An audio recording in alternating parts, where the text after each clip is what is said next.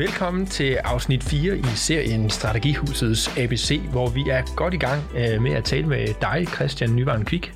Vi taler blandt andet om din bog, der hedder Er der nogen hjemme i Strategihuset? Og i det her afsnit, der skal vi dykke lidt ned i øh, fokuset på værdier og værdigrundlag. Så velkommen til, Christian. Tak skal du have. Vil du ikke starte med at lægge ud med at forklare, hvad er et øh, værdigrundlag, hvad er organisatoriske værdier? Jo. Jo, men man kan sige, at værdier det er jo udtryk for de der sådan, øh, vejledende overbevisninger, der skal være med til at guide vores ansattes adfærd, eller leders og medarbejderes adfærd i dagligdagen. Så man kan sige, det som et, øh, et værdigrundlag giver svar på, altså man kan sige, det, vi taler om at have en værdi, og når værdierne er samlet, så er de samlet i et værdigrundlag. Vi har typisk en 3-4 stykker så kan man sige, at det som det siger noget om, det er, jamen, hvad er det egentlig organisationen sådan overordnet ser som værende henholdsvis ønsket adfærd, og måske også uønsket adfærd, det er også nogle gange adresseret. Så det er sådan lidt populært sagt, den der kollektive overligger, der skal ligge til grund for, øh, hvordan vi gebærer os i dagligdagen, eller det er den der interne facitliste for, hvad er egentlig god adfærd her i, i vores butik. Det er det, som øh, værdierne de siger noget om. Så helt ned til, hvad er okay, hvad er ikke okay, hvad vil vi kendetegnes ved? Det er den her form for arbejde, og den her måde at arbejde på, vi vil kendetegnes ved. Lige præcis, ja. Og hvorfor skal man have et sådan værdigrundlag? Det kan der være flere grunde til. Øh, jeg tror, jeg vil lave nedslag på, på tre forskellige. Der er noget, der handler om, at øh, det ligger næsten allerede i det, at det som værdier kan, det er at være de der sådan lidt øh, adfærdsmæssige kompasnåle for vores øh, ansatte, der ligesom sådan kriger banen op og siger, jamen ud fra de her overordnede værdier, så ved jeg, at hvis jeg agerer på den eller den måde, så er jeg enten øh, inden, for, inden for skydeskiven, eller også er jeg udenfor. Så det er i virkeligheden det er med til at præcisere øh, og skabe en tryghed hos den enkelte ansatte i forhold til, at jeg egentlig er inden for skiven leg. Den anden del, det handler om, at værdier de også kan være sådan et øh, alternativ til sådan en mere regelbaseret tilgang. Øh, og det handler i virkeligheden om, når vi gerne vil påvirke menneskers adfærd, så har vi grundlæggende to øh, håndtag, vi kan trække i. Det ene håndtag, det er sådan det mere gammeldags, regelbaseret håndtag. Jeg skal mig at sige, at der kan være rigtig gode grunde til at have regler og retningslinjer og adfærdsprocedurer og personalepolitikker og alt det der. Det kan der være rigtig mange gode grunde til i nogle sammenhænge. Andre gange kan man komme til at overgøre det, og så får det karakter af detaljstyring og micromanagement. Og så skal man endelig lade være med det. Der er et alternativ der, som hedder den værdibaserede tilgang, hvor vi så siger, vi tror faktisk på, at øh, vi arbejder ud fra sådan en frihed under ansvarslogik. Vi har nogle kompetente, dygtige mennesker ansat i vores organisation, som nok også er i stand til at fortolke nogle overordnede værdier, og så tænke, mm, hvad betyder det så egentlig for min adfærd i den her situation, eller den her situation, hvis det, er de her værdier, vi ligesom som organisation bekender os til. Så det er de to værktøjer, vi har træk i, og skal man så prøve at sætte øh, sådan et konkret eksempel op på, øh, er det det ene eller det andet, vi har brug for, så hørte jeg selv et øh, ret øh, underholdende eksempel forleden i forbindelse med en kundeopgave. Jeg talte med en øh, direktør i en øh, halvstor forvaltning, og øh, vedkommende var ny direktør, og kommer ind i en organisation, hvor den forhenværende direktør har været en, der var meget, meget regelbaseret, og den her nye direktør var meget, meget værdibaseret. Og vedkommende finder også ud af, at der er godt nok nogle ting, vi skal have skyllet ud med badevandet, fordi det skaber ingen værdi for os, ud fra den måde, øh, vedkommende her troede på, at, øh, at forvaltningen skulle ledes. Noget af det, hun stødte på, det var øh, en kendt klassiker, nemlig påklædning på arbejdspladsen. Øh, hvad, er, øh, hvad er inden for skiven og hvad er uden for skiven? Den gamle direktør havde så valgt at sige, jamen øh, det her med at komme på arbejde, der er det jo en arbejdsplads, det er ikke en campingplads eller en festivalplads, øh, og øh, det er der nogle regler, der kommer til at tydeliggøre fuldstændig klart.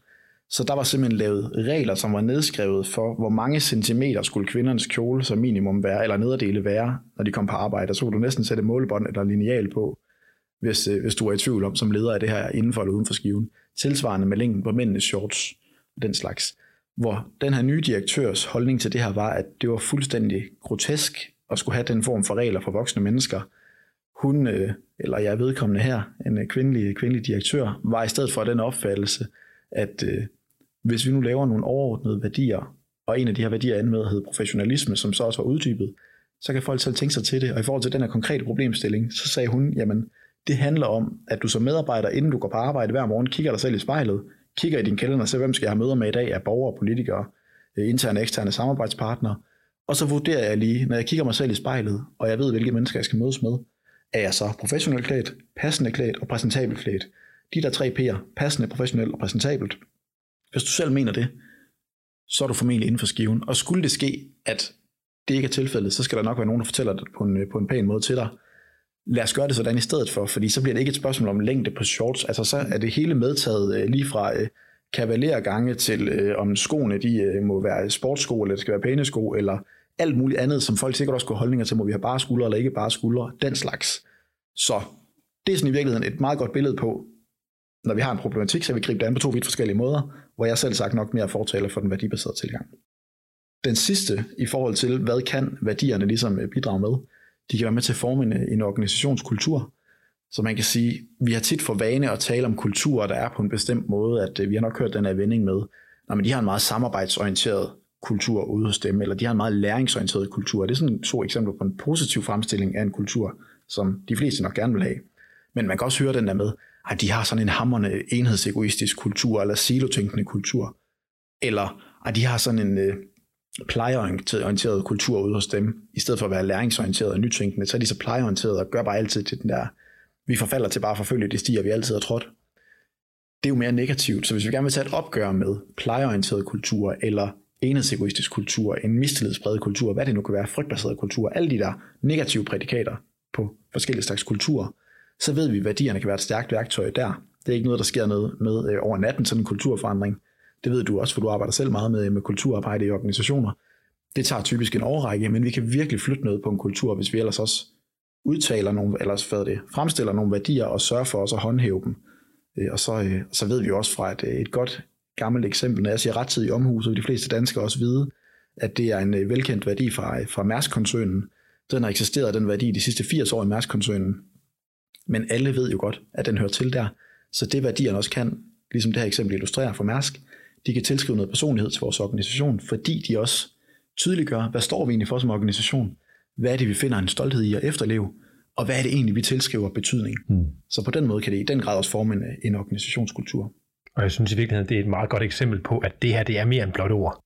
Vi, vi snakker også om det tidligere, det med at være en organisation. Det handler om mange individer, der samler sig. Ja.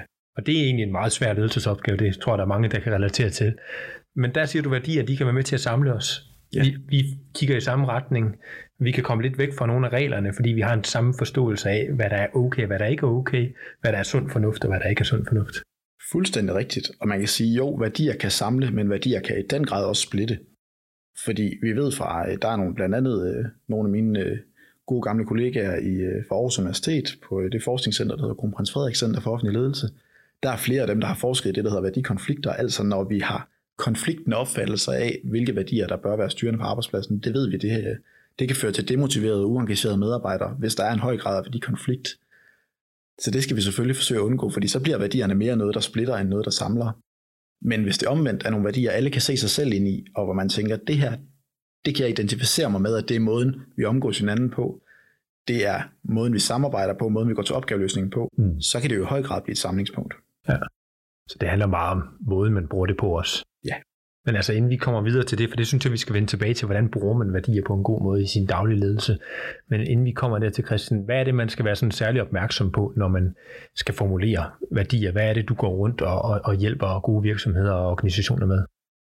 Jamen, der er jo flere ting, vi skal have blik for, når vi formulerer værdierne. Øhm, jeg tror, jeg vil lave en, en 3-4 nedslagspunkter her. Øhm, det første, det handler om antallet af værdier. Der er lavet noget rigtig interessant forskning af en fyr, der hedder Andrew Carton, øh, som øh, har forsket en del i det her. Og noget af det, han siger, det er, at værdierne de skal være til at huske. Og hvis de skal det, så peger hans forskning på, at så skal vi gerne ikke op på, på mere end, end cirka fire værdier. Øh, og det er egentlig meget heldigt, for det hænger sammen med det næste opmærksomhedspunkt, nemlig at vi også gerne skal have det, der hedder balanceret værdigrundlag. Øh, og det er der blandt andet en, der hedder Ivan Malbacic, en kroatisk forsker, der har forsket en hel del i, hvordan får vi et balanceret, nuanceret værdigrundlag. Og der siger han, at vi kan tale om fire forskellige slags værdier. Så den første slags værdier, han taler om, det er det, han kalder for resultatorienterede værdier. Det vil sige, det er sådan nogle værdier som faglighed, professionalisme, kvalitet, grundighed, den slags. Noget, der handler om, at den måde, vi går til opgaveløsningen på, og den adfærd, vi udviser, der har vi et udtalt fokus på at skabe nogle resultater af høj kvalitet. Så siger han samtidig også, at der er noget, han kalder relationsorienterede værdier. Så det kunne være de værdier, som ligesom ligger op til en adfærd, hvor vi er orienteret mod, at vi skal have nogle gode øh, hvad hedder det, relationer internt mellem os kolleger, men måske også ud mod samarbejdspartnere. Så det kunne være sådan nogle værdier som samarbejde, holdånd, øh, dialog, tillid, kommunikation, øh, koordination, den slags. Så peger han på, at vi skal have udviklingsorienterede værdier. Ja, det kunne være sådan nogle ord som, øh, mod eller læring, kreativitet, nytænkning, innovation. Det der, der i virkeligheden sætter spot på, at vi skal gerne lægge op til en adfærd, hvor vi ikke bare siger, at vi gør, som vi altid plejer at gøre, men vi løbende så gentænker vi vores ydelser og vores arbejdsgange og vores organisering og noget af det, der ellers kan have indflydelse på, hvor godt vi lykkes som organisation. Og så til sidst peger han på det, han kalder bidragsorienterede værdier, som er de der værdier, der fokuserer på, hvordan kan vi i virkeligheden levere et ekstraordinært bidrag til de kunder eller borgere eller samfundsgrupper, vi sat i verden øh, til at gøre en forskel for. Så det kunne være sådan nogle øh, ord som generøsitet eller øh, imødekommenhed, hjælpsomhed, øh, social ansvarlighed, den slags. Så det, der er hele hans pointe, det er, at vi falder ufattelig nemt i den der faldgruppe, hvor vi har en forkærlighed for en bestemt værditype. Og jeg har set det mange steder, det her værdigrundlag, øh, hvor man kan komme ud i en, øh, det er bare sådan et, et tænkt eksempel, og noget, jeg har set flere forskellige steder. På de bløde velfærdsområder, der bliver man meget relationsorienteret, så man kan godt have et værdigrundlag med fire værdier, og så er det tre eller fire af dem, de ligger alle sammen inden for den der øh, relationsorienterede værdikategori. Så man har et værdigrundlag, hvor værdierne det er samarbejde, fællesskab, dialog og tillid for eksempel. Det, der kan være faldgruppen i det, det er, at vi bliver ekstremt, hvis vi ellers også håndhæver værdierne og fokuserer på dem, så får vi medarbejdere, der får et udtalt fokus i deres adfærd på det relationelle, og måske i virkeligheden mister blikket lidt for nogle af de, de andre kategorier. Så vi skal forsøge at balancere ud på de der fire dimensioner. Det vil være den, den næste. Altså det er en klassisk faldgruppe, at man overfokuserer på noget, som er ens hjertebarn eller ens sådan fagprofessionelle identitet. Ja. Og så går man glip af noget. Præcis, fuldstændig rigtigt. Så kan man sige, at der er noget andet, der også handler om, at vores værdier gerne skal være øh, karakter- og adfærdspåvirkende. Fordi jeg vil jo sige, nu kommer jeg måske til at, øh, at komme lidt i unåde ved, ved nogle af dem, der gør det her, men nu tillader jeg mig at sige det alligevel. Ja, kom bare. Der er nogle, øh, nogle organisationer, hvor de så tænker, nu har vi udviklet værdigrundlag, fordi nu har vi øh, oplistet de her fire værdiord, hvor vi siger, at vores værdier det er dedikation, nysgerrighed, øh, samarbejde og ordentlighed for eksempel. Bum, så er det færdigt. Der vil jeg sige, der er kun gjort en lille bitte del af arbejdet, hvis det er der, man er nået til. Fordi hvis ikke du får udfoldet de her værdier i nogle tilhørende værdisætninger, der sætter flere ord på, hvad betyder de her ord så egentlig i praksis? Hvis ikke du får det gjort, så er der cirka lige så stor sandsynlighed for, at dine medarbejdere de forstår, hvad værdierne betyder, som for, at øh, Lyngby de vinder Superligaen, eller, øh, eller for, at der er en øh, X-faktor musikant, der faktisk får en musikalsk karriere. Så det skal vi. Det er alfa og omega, at vi får den del udfoldet. Og hvordan gør vi så det? Det skal vi gøre på en bestemt måde. Og der er der, hvor vi kommer til den næste del, det der handler om at lave uddybende værdisætninger. Så der skal være en uddybende værdisætning til hver af de her værdiord som skal være karakter- og adfærdspåvirkende. Og der trækker jeg rigtig, rigtig meget på en interessant forskning af en amerikaner, der hedder Christopher Bryan, og en anden professor, der hedder Kostas Markides, som har forsket en del i det her. Og noget af det, de siger der, det er, at når du skal fremme en bestemt adfærd hos andre, så er det faktisk mere effektivt, at du fremhæver den type, du ønsker, de skal agere som, for eksempel en øh, frontløber, eller en øh, teamplayer, eller hvad det nu kunne være, end at du bare siger, du skal samarbejde mere eller du skal komme ud af siloerne, i stedet for at tale om at være en holdspiller for eksempel. Så det handler om, at vi skal appellere til andres karakterer, altså hvem de skal være, mere end hvad de skal gøre, først og fremmest. Men når det er sagt, så skal vi stadigvæk også have blik for at lave det, jeg kalder en positiv adfærdsappel, altså i overordnede vendinger vise, hvad er det, vi gerne vil have øh, for en adfærd, du, du udviser. Og vi må også godt have den negative adfærdsappel på det, der giver det noget kant, hvor vi går ind og siger, og hvad er det som også for en adfærd, vi ønsker, du skal, du skal undgå. Og jeg synes, der er en krølle på halen her, der er ret vigtig, fordi øh, dem, der har været kritikere af det værdibaserede perspektiv, øh, det er der flere, der har også i Danmark. Øh, en af dem, det er jo øh, ellers en meget, meget dygtig øh, mand og, øh, og forfatter, Morten Mønster.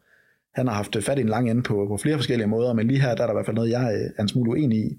Han skyder jo værdier øh, i sænk og siger, at øh, det er sådan lidt nogle retoriske platheder, man ikke kan være uenig i, og øh, det er alligevel så noget, som, øh, som på en eller anden vis er noget, der ikke rigtig kan være korrigerende for en adfærd, fordi det, hvem vil ikke kunne se sig selv agere ud fra værdier, der hedder åbenhed eller samarbejde eller lignende. Ja, vil det er nok ikke alene med at have den holdning der.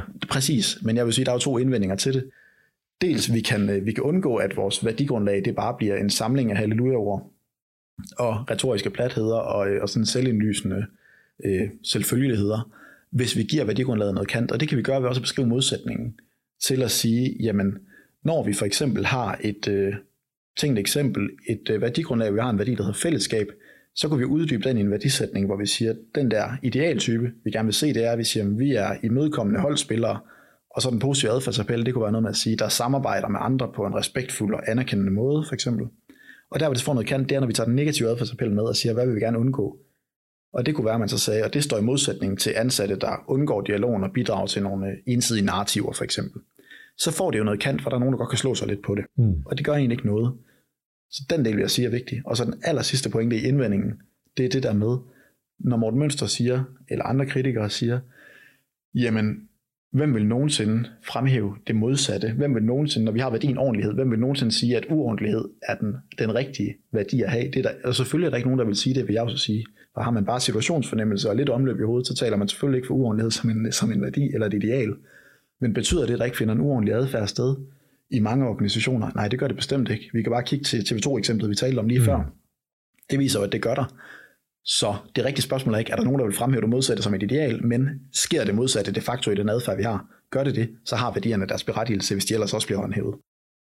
Altså man skal faktisk ud og folde den ud så mange gange, som du gør der, for ja. at det bliver konkret, og det ikke bare bliver det der fluffy ord, som, som alle er enige i, og, og som, som Morten Mønsters også kritiserer over, at det bliver for, for højt flyvende. Ja, og jeg tror virkelig, det er jo en berettiget kritik, han laver, ja. fordi det er sådan, det ser ud i mange danske organisationer. Så mit, min pointe er, der er intet i vejen med værdibaseret ledelse. Det rummer et kæmpe potentiale, men der er noget i vejen med den måde, det er blevet praktiseret på mange forskellige steder, hvor man ikke har formået at udfolde det eller give det kant. Ja. Som så det, der gør, at det også bliver et svært ledelsesværktøj, hvis ikke vi får det gjort. Så det skal konkretiseres, og det kan man gøre ved både at sige, hvad det er, hvordan det ser ud, men også hvordan det ikke ser ud. Præcis. Så står det tydeligere frem, hvordan man udlever det efterfølgende. Ja, så får du det der lidt mere komplette og nuancerede billede af, hvad er henholdsvis ønsket og uønsket adfærd. Ja, Ja, der kan jeg også forestille mig, så kan jeg bedre stå der mandag morgen og tænke, er det det her, jeg skal gøre, eller det her, jeg skal gøre? Altså, fordi jeg, jeg kan se noget, noget handlingsanvisende. Øhm. Præcis. Så lad os prøve at vende lidt tilbage til, til den der lille lod hænge for et stykke tid siden, og det er jo det med, hvad er det, man bruger det, værdierne til som leder? Altså, hvor, i hvilke situationer kan man som leder bruge sine, øh, sine værdier? Det kan man jo i jamen, snart sagt alle sammenhænge. Men jeg tror, jeg vil sige, at hvis vi skulle lave nogle af de vigtigste nedslag på, hvornår øh, værdierne de er brugbare, så kan du bruge dem, øh, når du skal lave rekruttering af nye medarbejdere for eksempel. Altså det der med at sige, når jeg laver et stillingsopslag, så får jeg faktisk værdierne skrevet ret tydeligt frem. Så jeg er sikker på, at jeg ikke, apropos værdikonflikt, får rekrutteret nogle medarbejdere, som så kommer ind og finder ud af, hold det op, jeg er faktisk en medarbejder, der trives enormt godt med at arbejde meget soloorienteret. Jeg er sådan en rigtig individualist, men nu kommer jeg ind i en organisation, hvor øh, værdien samarbejde toner helt tydeligt frem det er jo klart, så kan det godt blive en udfordring, hvis den værdi den også bliver håndhævet til at sige, jamen vi arbejder altid projekt, øh, i projektteams, eller øh, vi er teamorganiseret, og 90% af opgaverne, det løser vi sammen som en gruppe, i stedet for at gøre det individualistisk. Hvis det er tilfældet, så passer personen ikke ind, men hvis personen omvendt siger, det er lige mig at arbejde øh, teambaseret, så passer personen jo nok rigtig godt ind. Så vi kan bruge det som et rekrutteringsværktøj, og det kan man også bruge i ansættelsessamtalen til at lave nogle dilemma cases eller andet, hvor man ligesom forsøger at få øh, ansøgerens perspektiv på, hvordan vil du gribe den her problemstilling an, og så se, trækker de i retning af vores værdier eller ej. Du kan bruge det i onboarding materialer, du kan bruge det i lus og mus samtaler, eller tus og grus samtaler, til at sige, der skal vi have nogle drøftelser omkring de her værdier. Herunder også, at øh, som forberedelse til en mus samtale for eksempel, at den enkelte medarbejder kigger på organisationens værdier, og så skal forberede øh, to gode eksempler på, hvornår jeg selv efterlevet øh, de her værdier det sidste halve år. Og når vi skal tale om en fremadrettet udvikling frem til næste års mus-samtale, hvad er det så egentlig, jeg har brug for fra mine ledere til at understøtte min faglige og personlige udvikling, for at jeg i endnu højere grad kan efterleve de her værdier? Det er jo en måde for det, for det inkorporeret i den daglige praksis. Ja. Og sådan kunne vi tage en masse andre eksempler, men det var bare lige sådan nogle hurtige bud. Det lyder jo lidt som om det der med, som leder kan man have det som rygstød til, nu skal jeg ind og lave nogle handlingsanvisende samtaler eller nogle korrektioner. Der kan jeg bruge værdierne til at sige, med baggrund i værdierne, så er det der okay, og jeg vil gerne se mere af det der, men jeg vil heller ikke se noget af det her. Og det der, det er jo den evige balancegang, fordi der er, det er egentlig enig med dig, men der er også et indbygget paradoks i det her med at lede med afsæt i værdier, fordi hvis det bliver din ensidige lederdrevne fortolkning af, hvad værdierne det betyder i praksis, så risikerer man faktisk, at det, som værdierne skulle være et alternativ til, nemlig detaljstyring, micromanagement, den regelbaserede tilgang, det bliver faktisk bare det, så du skal også ligge op til, at medarbejdernes fortolkning af værdierne kan være lige så rigtigt som dine egne. Og en af vores andre gode kollegaer, Mikkel Toksvig, han har jo skrevet en bog, hvor han blandt andet også øh, skriver om forskellige kommunikationsparadigmer. Der skriver han om det, der hedder involveringsparadigmet, som lige netop lægger op til, at det er ikke mig, det kan godt være, at jeg har saveretten som leder til at sige, den måde, jeg fortolker værdien samarbejde på, det ser sådan og sådan ud i den og den situation, eller det, jeg forstår ved en holdspiller, det kunne for eksempel være, at øh, en holdspiller det er kendetegnet ved at være en konstruktiv, kritisk øh, kollega, der sætter spørgsmålstegn ved min, øh, eller ved andres praksis, hvis jeg tror på, at det kan styrke opgaveløsningen. Men det er jo bare min fortolkning som leder. Og så kan man spille den tilbage til medarbejderne og sige, hvad tænker I, når I hører det? Er det også jeres fortolkning, eller hvordan ser jeres udlægning egentlig ud af værdien samarbejde, eller af idealtypen øh, forbundet med at være en holdspiller? Og så høre, hvad de siger der. Ja. Og så kan vi måske nærme os en eller anden form for konsensus, hvor vi finder hinanden i det. Øh, det vil jeg sige, det, det er vigtigt, for ellers risikerer man lidt, at man bliver organisationens øh, politibetjent, og det fører ikke noget godt med sig. Nej, jeg skulle også til at sige, altså, så kan det blive decideret vildledende, hvis jeg har en forkert forståelse af en værdi, og det er ikke den, som de andre har. Så, så værdier kan samle, men det kan også komme til at adskille. Altså. Ja, og så tror jeg måske som en, som en, en sådan afrundende krølle på halen for, for alt det, vi egentlig har talt om, så tror jeg, jeg vil sige, at der er noget, der gør værdiarbejdet øh, forskelligt fra meget andet ledelsesarbejde i organisationer. Og det er det der med, at værdier de er dynamiske. Fordi når vi, øh, vi kunne forestille os en situation, hvor vi siger, at der er 20 ansatte, pludselig har vi masser af opsigelser, og vi har seks, der siger op, og vi får seks nye ind, men de kommer med nogle helt andre værdier.